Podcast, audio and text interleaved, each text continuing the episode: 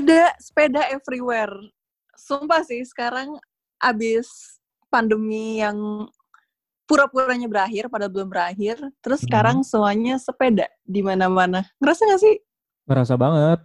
Sekarang tuh aku kan juga ngikutin sepeda dan juga main sepeda. Jadi berasa banget gitu. Apalagi kalau misalnya kita bicara, ini juga salah satu ini nggak sih? Salah satu efek dari si corona ini. Iya, iya. Karena aku baca di salah satu artikel juga, Hmm. ada beberapa olahraga yang em, ada tingkat em, high risk sama low risk. Nah, salah satu olahraga yang low risk untuk terpapar corona gitu setelah dalam masa-masa ini itu adalah sepeda gitu. Jadi nggak tahu apakah pengetahuan itu yang membuat orang-orang jadi main sepeda atau ya tahu lah Indonesia kan anak-anaknya FOMO ya kayak wah satu Hmm. orang main sepeda semua jadi ikut main sepeda gitu. Iya, tapi kalau bicara tentang em, banyaknya orang yang main sepeda, sebenarnya bukan hanya di Indonesia sih tren ini em, sekarang lagi naik kayak gitu.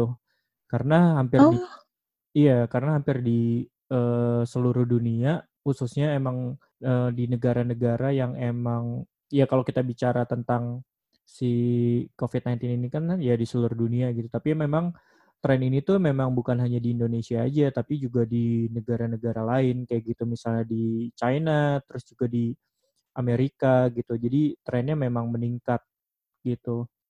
Nah, em, ini ada berita yang cukup menarik ini eh, terkait dengan apa namanya tren sepedaan ini gitu. Jadi ini hmm. menurut berita yang em, aku kutip dari Tirto. Jadi menurut Direktur Institute for Transportation and Development Policy Hmm. em, itu peningkatan pengguna sepeda di Tamrin dan Sudirman bahkan mencapai 1000% kayak gitu. Wow, oke. Jadi memang Dan kemarin juga CFD dibuka ya. Jadinya rame gitu sepedaan. Iya, jadi sempat rame kan tuh kemarin eh, CFD di Jakarta dan juga banyak komen-komen dari netizen juga kan Em, yang apa namanya menyayangkan kenapa misalnya masih di masa pandemi ini terus juga masih ya mereka maksudnya ribuan orang tuh kemudian berkumpul di dalam eh, satu wilayah kayak gitu. Tapi kalau kalau dari Hmm, hmm, dari dari kamu sendiri ngelihat em, hal itu kayak gimana? Karena kemar- kemarin tuh sempat rame di Twitter ya. Iya, iya. Rame banget sih di Twitter. Pertama, kalau aku sendiri sih kaget ngelihat CFD itu udah dibuka. Hmm. Gitu. Maksudnya, menurut aku sih kalau memang concern kita untuk mulai masa transisi ini adalah ekonomi, ya nggak apa-apa untuk membuka pusat perbelanjaan atau misalnya pusat ekonomi. Tapi kalau CFD yang sebenarnya tingkat apa ya, tingkat urgensinya itu nggak ada sih di situ, aku sangat menyayangkan sih untuk terlalu prematur membuka ruang CFD gitu untuk orang-orang berkumpul di sana gitu. Dan yang kedua aku melihat jadinya apa ya?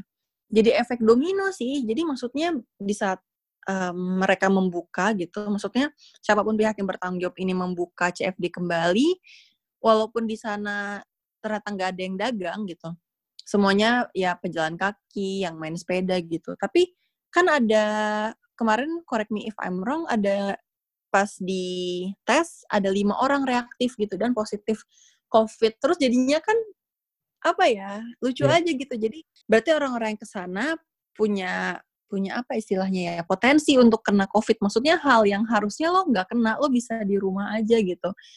Kecuali kalau lo kerja gitu dan lo terpapar ya ibaratnya lo sambil melakukan hal yang lo OTW ke tempat yang lo emang harus tuju gitu yang urgent. Tapi kan kalau CFD menurut gue lo bisa untuk ya chilling di rumah aja lah atau yang deket-deket rumah lo nggak usah harus kumpul ke tempat seramai itu gitu. Jadi sangat menyayangkan sih. Kalau kamu sendiri gimana nanggepin itu? Kalau aku sendiri sih, karena di hari Minggu itu juga kan aku sepedahan tuh. Memang juga kayak di eh, daerah sekitar rumah juga lumayan rame gitu yang main sepeda gitu. Tapi memang nggak serame yang di Jakarta kayak gitu.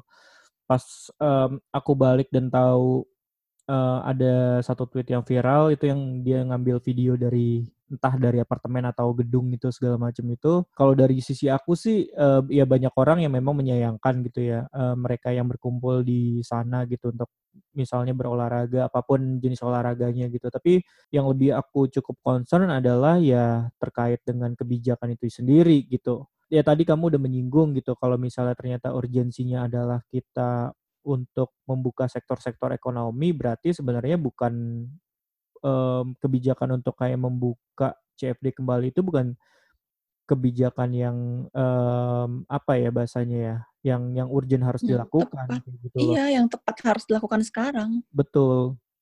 Karena otomatis ketika karena kan masanya panjang nih. Kemarin tuh CFD cepet sempat ditutup kan sekitar beberapa bulan gitu ya. Mungkin tiga bulan yeah. segala macam gitu. Terus mungkin um, orang-orang juga berpikir kan kayak udah selama tiga bulan nggak ke mana-mana segala macam. Terus juga um, mereka mungkin nggak bisa melakukan olahraga di di rumah gitu.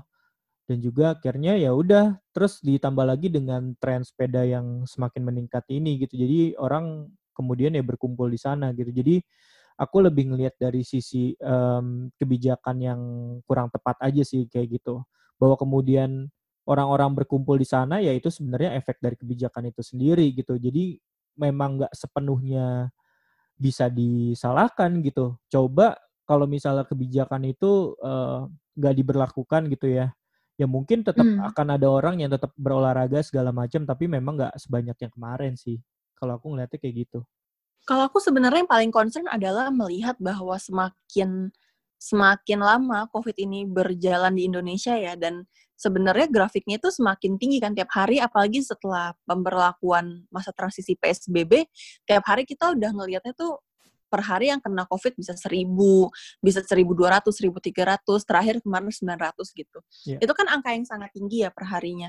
Tapi Betul. aku melihat semakin lama berjalan justru tingkat mawas diri atau waspadanya tuh semakin rendah gitu. Betul. Bahkan mm-hmm. um, setelah masa transisi ini padahal kan masa transisi ya, di mana berarti kita mencoba untuk menjalankan kembali ekonomi agar negara ini kembali berjalan, tapi juga tetap harus melaksanakan protokol kesehatan yang ada. Cuma orang-orang Indonesia yang aku lihat kebanyakan itu merasa bahwa pandemi sudah berakhir. Jadi mindsetnya bukannya mindset untuk ini adalah new normal, tapi mindset bahwa seolahnya sudah normal gitu. Malah nggak kayak new normal. Jadi aku sangat menyayangkan sih karena ya kayak tadi aku sempat bilang tuh efek domino adalah di saat orang-orang misalnya kebijakannya salah kan. Kebijakannya adalah ibaratnya melonggarkan orang untuk berkumpul di CFD. Terus orang-orang jadi berkumpul. Lalu orang-orang yang tidak sempat berkumpul di situ mungkin akan ada aja dong yang berpikir, "Oh, kayaknya mereka aman deh." gitu kan mereka bisa deh kayak gitu next week gue juga mau ah kayak gitu jadi tuh jadi efek domino gitu pada akhirnya Betul. semakin longgar dan semakin longgar kebijakan dan rasa waspada itu sendiri iya iya betul kalau dari sisi itu sih memang aku sepakat ya di mana um, ketika sebenarnya sekarang tuh um, Indonesia tuh mendapat perhatian dunia gitu ya dalam hal penanganan COVID-19 ini kayak gitu. Hmm. Dan kemudian yang kayak sekarang ketika uh, beberapa sektor ekonomi dibuka, ibaratnya kelonggaran uh, yang kamu bilang tadi masa transisi itu justru membuat uh, banyak masyarakat menganggap mungkin ya sebagian besar masyarakat juga menganggap kayak ya udah ini kita memulai sesuatu yang baru lagi dan menganggap uh, bahasanya tuh kayak ancaman si virus ini juga semakin mereda padahal di satu sisi ya memang virus itu masih ada di tengah-tengah kita gitu dan. Seharusnya iya. dari kita semua tuh juga harus tetap aware gitu untuk tetap tadi menjaga protokol kesehatan dan lain sebagainya gitu. Tapi yang aku lihat um, selain dari kenapa orang-orang seperti itu, mungkin salah satunya adalah ya bentuk frustasi juga dari mereka sih kayak gitu dalam hal merespon si uh, eh, COVID-19 ini kayak gitu. Jadi mungkin ya selama ini mungkin dua atau tiga bulan um, yang mereka harapkan maksudnya dari sisi uh, kebijakan dari sisi pemerintah itu hmm. penanganannya hmm. seperti apa gitu tapi ketika udah ditunggu segitu lama kok kayaknya uh, progresnya juga nggak signifikan banget kayak gitu jadi akhirnya ya udahlah ibaratnya dari pemerintahnya juga nggak nggak concern concern banget ya dari guanya juga ya udah gitu itu sih salah satu bentuk frustasi salah satunya sih kalau yang aku lihat kayak gitu sih kayak hmm. ibaratnya kayak ibaratnya tuh ya kita tahu gitu kalau misalnya kita cukup aware lah terkait dengan berita ini gitu dan apa yang harus kita lakukan gitu. Tapi di satu sisi ketika lo mengharapkan kondisi yang lo kan punya ekspektasi nih. Ketika oke okay, hmm. ada ada ada penutupan beberapa sektor ekonomi misalnya di dua bulan yang lalu gitu. Terus apa nih apa yang apa yang harus dilakukan gitu? Apa yang akan dilakukan gitu? Misalnya sama pemerintah gitu. Oh ternyata angkanya ya tetap tinggi aja segala macam jadi jadi ketika misalnya mereka juga udah kena impact terus akhirnya hmm. ada rasa ketidakpercayaan di situ salah satunya ya dengan ya udah gue bodo amat aja gitu dan gue nggak peduli lagi gitu sama anjuran-anjuran yang diberikan sama lembaga-lembaga yang uh, emang punya otoritas di situ gitu. Hmm.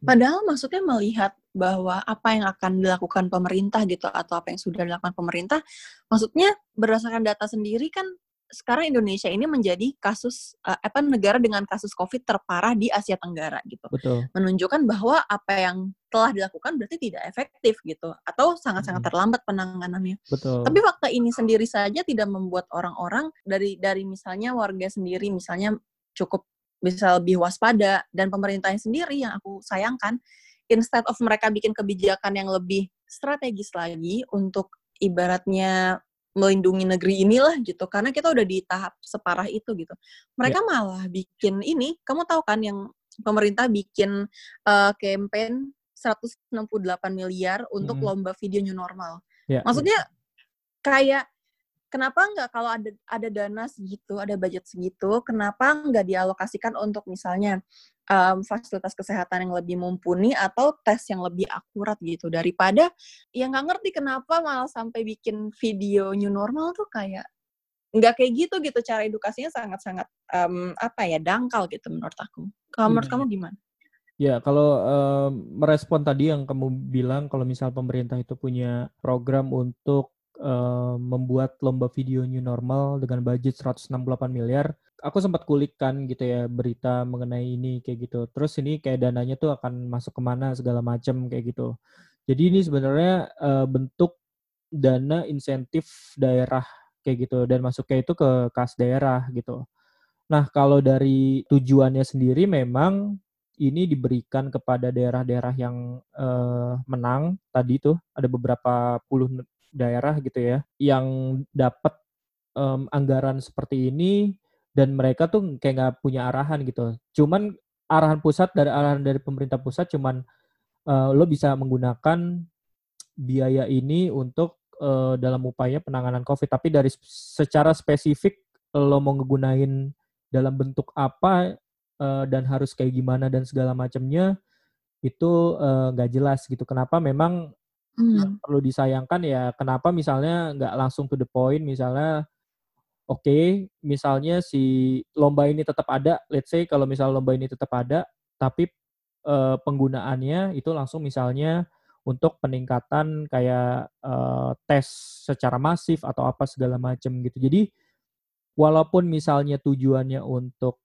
uh, diberikan ke daerah-daerah gitu ya dan untuk penanganan covid tapi dari sisi kebijakan itu sendiri udah sangat sangat longgar gitu dalam hal pengelolaan anggarannya kayak gitu. Jadi memang dari sisi pengelola, dari sisi pengawasan dan segala macam ya ini dikontrol sama BPK segala macam. Tapi dari sisi programnya sendiri, jadi setiap daerah tuh punya um, keleluasaan dalam penggunaan anggarannya kayak gitu. Jadi kenapa nggak secara spesifik misalnya, oke okay, tetap ada nih, nggak apa-apa dah buat lucu-lucuan apa segala macam.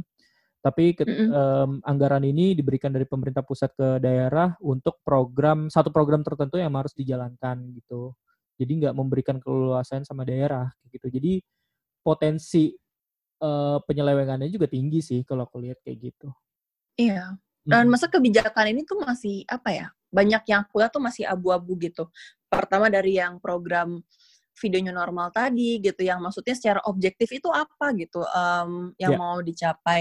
Yang kedua adalah um, kelonggaran atau kebijakan kebijakan untuk kegiatan-kegiatan um, yang sifatnya um, masif gitu ya orang-orang yang masif. Misalnya kayak kemarin um, kita sama-sama tahu kan yang di Twitter sempat viral gitu masuk dari Kompas juga aku kutip um, di salah satu pesta pernikahan um, hmm. yang diadakan gitu ya, itu ditemukan satu persatu tuh kerabat yang menghadiri acara itu bahkan sampai orang tua mempelai dari pengantin itu sendiri itu meninggal gitu karena kena COVID. Walaupun memang setelah aku baca lagi beritanya, um, sebelum akad itu dilaksanakan memang um, salah seorang orang tuanya aku lupa antar ibu atau ayahnya emang udah masuk rumah sakit duluan gitu. Tapi yeah. Iya. um, dari dari apa um, pernikahan itu ternyata sampai takmir masjid itu ketularan gitu atau um, kasus uh, bukan kasus sih atau kayak kebijakan Kementerian Kesehatan yang memperbolehkan acara konser gitu. Tapi walaupun dia bilang penonton nggak bisa nggak bisa berdiri gitu, panitia harus menyediakan tempat duduk yang diberi jarak satu meter gitu. Tapi kan maksudnya hal-hal yang apa ya? Maksudnya pernikahan atau konser itu kan hal yang kayak lo nggak mungkin nggak mungkin membatasi orang tuh sesedikit mungkin gitu. Pasti ada ada kontak di situ. Ada betul ibaratnya saat satu orang tertular di situ habislah satu tempat itu gitu itu yang masih apa ya kayak kebijakannya tuh dibuat untuk siapa untuk menguntungkan siapa dan bagaimana sih sebenarnya harus dijalankannya itu gitu tuh masih sangat abu-abu menurut aku iya uh, misalnya tadi yang uh, menyinggung untuk yang kebijakan untuk menonton konser uh, secara duduk itu juga bingung sih ngebingungin itu kayak gimana gitu kan lo kalau mau nonton teater, nonton opera itu akan cocok sih kayak gitu. Tapi untuk uh, namanya konser itu kan um, justru yang dijual sebenarnya ya bahasanya tuh kayak tiket festivalnya gitu. Di mana lo menjual kapasitas, lo ngejual traffic segala macam. Dan ini juga menurut aku juga nggak apa ya, secara bisnis juga sangat tidak menguntungkan kayak gitu. Ini seperti hmm. kayak konsep apa sih drive-in cinema gitu ya di mana mm-hmm. dia harus menikmati misalnya nonton film di mobil kayak gitu efeknya tuh terlalu terlalu terlalu banyak kayak gitu dan dari sisi penyelenggaranya pun ya mereka harus sewa tempat yang segede itu sewa infrastrukturnya sewa alat-alatnya segala macam sedangkan dari sisi trafficnya pun dan experience-nya juga nggak bisa dijual ke masyarakat. Jadi dari sisi bisnis juga nggak um, menguntungkan kayak gitu. Iya. Ya walaupun maksudnya kayak industri entertainment dan wedding gitu ya juga pasti sekarang lagi putar otak gimana caranya biar bisnisnya jalan. Tapi ya itu terlalu banyak resiko kali ya menurut aku yang dipertaruhkan. Iya jadi banyak juga industri yang wait and see sih ngelihat perkembangan dari si uh, ya per perkembangan dari virus corona itu terus juga penanganannya kayak gimana gitu karena sejumlah negara juga udah mulai masuk fase kedua gitu gelombang kedua dari si si virus ini kayak gitu. Mm-mm. Bahkan virusnya bermutasi ya aku baca ya, jadi lebih kuat katanya. Itu serem banget sih. Iya iya betul. Tapi uh, balik lagi tadi kita ngebahas di awal terkait dengan tren sepedahan. Kalau dari Mm-mm. kamu sendiri, um, kamu melihatnya itu apakah ini menjadi tren musiman kah atau seperti apa gitu? Hmm, kalau aku sih jujur, aku ngelihat tren di Indonesia tuh banyak yang pasang surut gitu. Yeah. Jadi aku nggak akan kaget sih saat nanti um, beberapa bulan kemudian mungkin orang nggak akan se-excited itu untuk main sepeda gitu. Hmm. Maksudnya ya kita sering lihat lah tren tuh datang silih berganti gitu. Walaupun memang um, ya kayak sepeda aja, sepeda kan dulu sempat sempat rame gitu pada masanya. Ya, uh, aku ingat saat dulu sempat SMA, ini ya, berarti sempat sepeda hmm? fiksi kayak gitu-gitu ya. Iya, iya, iya. Itu waktu aku SMA. Berarti kan maksudnya di tahun 2000 ya 2010 11 lah kayak gitu kan. Hmm. Dan sekarang maksudnya trennya muncul lagi gitu dengan sepeda lipat dan kondisi yang seperti ini. Maksudnya nanti pasti akan akan ada lagi tren-tren baru sama kayak makanan aja gitu. Ya, um, ya, betul. ya aku sih melihatnya gitu. Walaupun aku tahu sih kamu lagi kamu juga aktif kan, maksudnya hmm. main sepeda gitu. Mungkin kalau untuk orang-orang yang mindsetnya adalah untuk olahraga dan memang hobi di situ kayak aku lihat kamu passionate juga untuk main sepeda gitu mungkin hmm. it will long kayak it will last long gitu loh kayak Betul. kamu bisa main itu dalam jangka waktu lama tapi untuk orang-orang yang cuma just going for the hype aja aku rasa sih nggak akan lama sih Iya karena kayak akhir-akhir ini juga aku cukup sering kan bahkan kayak misalnya sore kayak gitu dan hampir setiap hari sih untuk kayak sepedahan gitu dan dan biasanya aku memang bukan yang biasanya kan kalau misalnya kita hype doang tuh biasanya cuman weekend kayak gitu, cuman kayak pagi hari segala macam atau kumpul komunitas. Kalau aku emang ada set apa namanya set goal sendiri gitu misalnya di di minggu ini misalnya gue mau achieve berapa kilometer apa segala macamnya gitu dan ekspek Hmm. dan ekspektasinya adalah memang em, ini akan terus berjalan gitu karena emang dari dulu kalau aku secara pribadi memang suka olahraga orangnya kayak gitu. Mm-mm. dan dan hampir semua bukan semua olahraga juga tapi mostly em, bicara misalnya kayak dulu suka lari suka eh, bulu tangkis suka volley dan lain sebagainya gitu. Bahkan sebelum covid juga sempat main basket apa segala macam gitu. Karena memang dari akunya sendiri suka olahraga gitu ketika ngerasa nih kayaknya oke nih buat dijalanin terus. Em, ya udah gue akan jalan terus kayak gitu sih I see. Tapi kamu main TikTok gak? kenapa Tapi kamu main TikTok nggak? Kan kamu main basket, main bola, main sepeda. Hmm. Kamu main TikTok nggak? TikTok pengen sih main Enggak. Karena enggak. TikTok tuh keren tau sekarang. Maksudnya Ya. bukannya dari sisi kontennya, tapi tuh TikTok tuh akhir-akhirnya aku cukup respect sih ternyata. Kayak kamu udah denger belum sih yang apa namanya? Kan em, Presiden Amerika Serikat Donald Trump itu mau bikin campaign em, event ya. Jadi mereka mau punya acara kampanye gitu. Ya. And then em, sekumpulan komunitas K-pop yang Hmm. main TikTok gitu, which is sebenarnya anak-anak usia sangat remaja ya, remaja bahkan Iya. anak-anak gitu. Itu mereka beli sengaja nyebarin campaign dan bikin apa ya, bikin kayak em, beli tiket eh, campaignnya Eh, si Donald mereka re- Trump ini. Mereka register. Iya, Iya. ya mereka register. Ya. Ya, jadi lebih ke reservasi bukan beli sih ya. Reservasi betul. Reservasi Mm-mm. tiket. Jadi em, apa tim campaign dari Donald Trump tuh kira kayak mereka berhasil ngejual atau em, membooking satu juta tiket Ya. eh, untuk ini untuk apa namanya ka- kampanye Donald Trump. Ternyata mereka di troll sama anak-anak TikTok. Can you imagine kayak anak-anak TikTok yang aku kira cuma mereka bisa ngedance doang, mereka kayak bisa bikin campaign buzzer yang it works gitu Iya. untuk nge-troll seorang presiden US. Dan aku percaya sih sama setiap kekuatan di media sosial ya. Karena kalau misalnya kita dulu punya pengalaman misalnya eh, revolusi Mesir itu juga dari media sosial kayak gitu. Terus juga eh, or even ya efek efek buruknya misalnya terkait dengan berita-berita apa namanya berita-berita hoax apa segala macam tuh pun lewat media sosial gitu.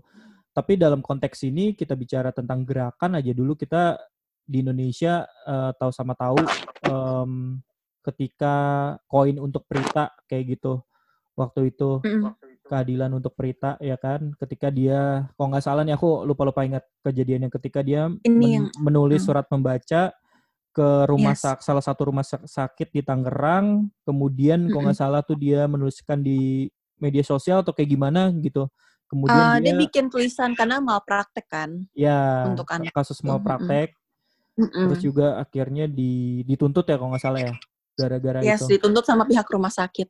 ya dituntut sama pihak rumah sakit dan kemudian muncul gerakan itu dan ya Mm-mm. memang ketika misalnya si sebuah platform ini eh, lagi-lagi platform itu kan dia pasif ya dia cuman Mm-mm. dia provide features provide apa as a produk aja gitu lo kalau misalnya apa namanya mengkonsumsi produk misalnya kayak mengkonsumsi baygon ketika lo semprot itu buat serangga buat apa segala macam itu peruntukannya benar tapi ketika lo minum kan lo mati gitu ya kayak gitu aja gitu loh. iya, iya. artinya artinya Iya, iya. ketika misalnya anak-anak TikTok terus K-pop fans apa segala macam gitu mereka pengen menyuarakan eh, suaranya lewat platform ini ya aku sebenarnya di awal juga eh, terjadi lagi nih maksudnya yang kayak gini-gini kayak gitu tapi nggak nggak sepenuhnya kaget sih karena memang em, platformnya yang sendiri kan memang gede gitu kan sekarang maksudnya Yes. em, audiensnya cukup gede dan pengguna aktifnya sangat banyak kayak gitu dan mostly Iya, dan komunitasnya kuat juga ya. Maksudnya mereka tuh active users gitu. Betul, mereka active users yang memang secara interaksi pun mereka eh, banyak lah di situ melakukan aktivitas di situ gitu. Jadi cukup keren sih gitu ketika misalnya si Donald Trump pengen kampanye eh, bahasanya ya rally lah kalau di kalau di Iya. eh, kalau kampanye di US gitu. Karena kan di ekspektasi di bulan November bakal ada pemilihan presiden kan kayak gitu Yes. Dan ya yang datang cuma 6.200 yang seharusnya tuh indoor Iya. tuh sekitar 19.000 dan ternyata ada kejadian gitu gitu loh. Ketika itu di Iya, dan ibaratnya dia Heeh. di-troll sama anak-anak kecil. Iya, iya, iya, iya betul. Karena memang apa ya? Karena kan memang dia dapat concern gitu ke banyak orang karena memang isu-isunya tuh bukan isu-isu politik aja gitu, isu-isu memang yang menjadi concern bersama gitu Ket- ketika misalnya mereka eh si si Donald Trump ini juga eh, rasis ke apa namanya warga-warga Asia apa segala macam Iya, gitu iya, kan. benar-benar. Jadi sebenarnya menurut aku isunya memang dekat gitu dengan mereka. Iya, ya maksudnya memang ditakutkan juga uh, konten dari si acara itu sendiri adalah bukan cuma untuk kampanye untuk voting gitu, tapi juga menyebarkan suara-suara white supremacist gitu untuk melawan campaign Black Lives Matter yang lagi berjalan sekarang gitu. Makanya itu gerakan yang menurut aku sangat brilian gitu Iya, sekarang iya. ini. Keren sih. dan bahkan si Trump si bangsat memang ini eh apa namanya bilang corona tuh kung flu bangsat. Iya, iya, iya, kungfu. Secara rasis aja ngomong tuh kungfu tuh. Iya. I don't get it sih. Maksudnya seorang se- seseorang yang seperti itu menjadi I get it. em, apa namanya iya menjadi kayak presiden gitu jadi eh, pemerintah eh sorry apa kepala pemerintah suatu negara tuh menurut aku kayak gila sih. Ya itu itu menjadi cerminan eh, negara itu juga sih gitu. iya iya iya iya. Ya semoga aja sih eh, dia bisa bisa kalah gitu di pemilu selanjutnya. Karena ya sulit banget kan US juga nggak bisa. Maksudnya mereka, mereka sekarang adalah negara top 3 kasus COVID terburuk di dunia gitu dan angka Ya. kematian terbanyak gitu. Maksudnya itu juga sangat-sangat mencerminkan gambaran ketidak eh, ketidakkompetensinya gimana ya bilangnya ya tidak kompetennya em, presiden mereka gitu Ya ya bahkan dia secara terang-terangan juga bilang kalau misalnya angka case-nya itu pengen turun ya lo harus slow testing down kayak gitu. Jadi artinya lo harus menurunkan si eh, angka testing itu sendiri kayak gitu. Iya emang otaknya diudel saya sih. eh, paling eh tapi tau gak sih sebelum eh misalnya dari tadi kita ngomongin tuh kayak politik politik gitu kan eh, ngomongin corona tapi tuh aku pengen ngasih tahu satu gosip yang lagi hits juga nih sebenarnya dari minggu lalu sih hitsnya Kenapa? kamu suka makan ini nggak suka makan ayam geprek nggak sih Iya, ayam geprek suka. Aku suka makanan yang pedes-pedes sih sebenarnya. Tapi ada apa?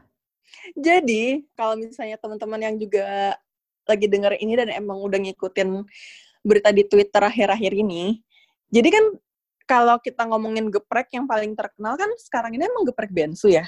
Betul. Terus ternyata geprek bensu itu ada satu lagi kan em, geprek bensu juga tapi namanya I am geprek bensu. Masa kayak ayam geprek bensu gitu Iya, iya. kirain selama ini yang I am geprek bensu itu ngikutin geprek bensu Ruben Onsu kan Mm-mm. makanya Ruben Onsu tuh eh, masukin kasusnya ini ke pengadilan jadi biar dia tuh nuntut si eh, kompetitornya ini biar namanya itu resmi secara legal buat Ruben Onsu kamu tau gak sih plot twistnya apa Gimana? Plot twistnya kayak gimana? ternyata ternyata Ruben Onsunya yang nyolong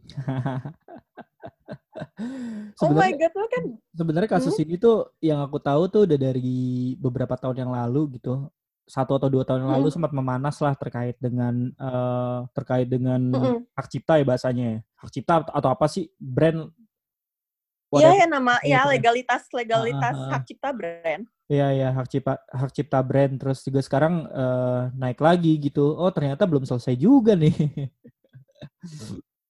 belum selesai karena ternyata tuh Ruben Onsu kan awalnya menggugat em, PT Ayam Geprek Beni Sujono. Jadi tuh Bensu tuh awalnya Beni Sujono gitu yang pertama bikin. Terus ternyata em, di tahun 2019 itu apa namanya Ruben Onsu pertama ngegugat kan. Terus dicari dong kayak kronologi segala macamnya. Ternyata kejadian sebenarnya adalah di tahun 2017 itu geprek Bensu yang pertama yang beneran yang bukan punya Ruben Onsu tuh didiriin kan. Terus adiknya si Ruben Onsu itu kan namanya Jordi Onsu kan. Mm. Nah, si Jordi Onsu itu dia jadi manajer operasionalnya Bensu apa yang Bensu ini. Iya. Terus dia kayak nawarin gitu ibaratnya, eh abang gue kan namanya Ruben Onsu, gimana kalau jadi brand ambassador? Kayak ya ide bagus gitu kan. Yeah. Jadi tuh April 2017 akhirnya mereka bikin lah si Ruben Onsu ini jadi um, apa uh, brand ambasadornya gitu. Eh terus habis itu Ruben Onsu ternyata uh, ini minta tolong satu karyawannya dia untuk kerja di bagian dapur geprek bensu yang sebenarnya ini.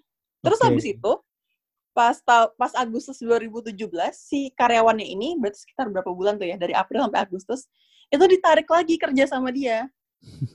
eh terus tiba-tiba mereka bikin geprek bensu di Agustus itu. Iya, abis itu kayak abis mereka bikin geprek bensu, mereka langsung ini, langsung somasi bensu yang sebenarnya. untuk stop pakai nama geprek bensu. I mean kayak plot twist banget sih jujur. Hmm. Sebenarnya mereka tuh ada satu kesamaan tau. Apa? ayamnya nggak sepenuhnya digeprek. Jadi ayam geprek tapi Maksudnya apa? Gitu. Digoreng doang? Iya. Kamu pernah makan kan? Maksudnya kayak ayam. Iya, iya, iya. Iya, iya. Cuman kayak dikasih sambal apalah gitu. Uh, more like geprek mal sih. Kayak yang penting gue menuhin syarat gitu. Diketok-ketok dong. More like ayam ketok sih sebenarnya. Iya. Ya, uh, ayam keplak harusnya.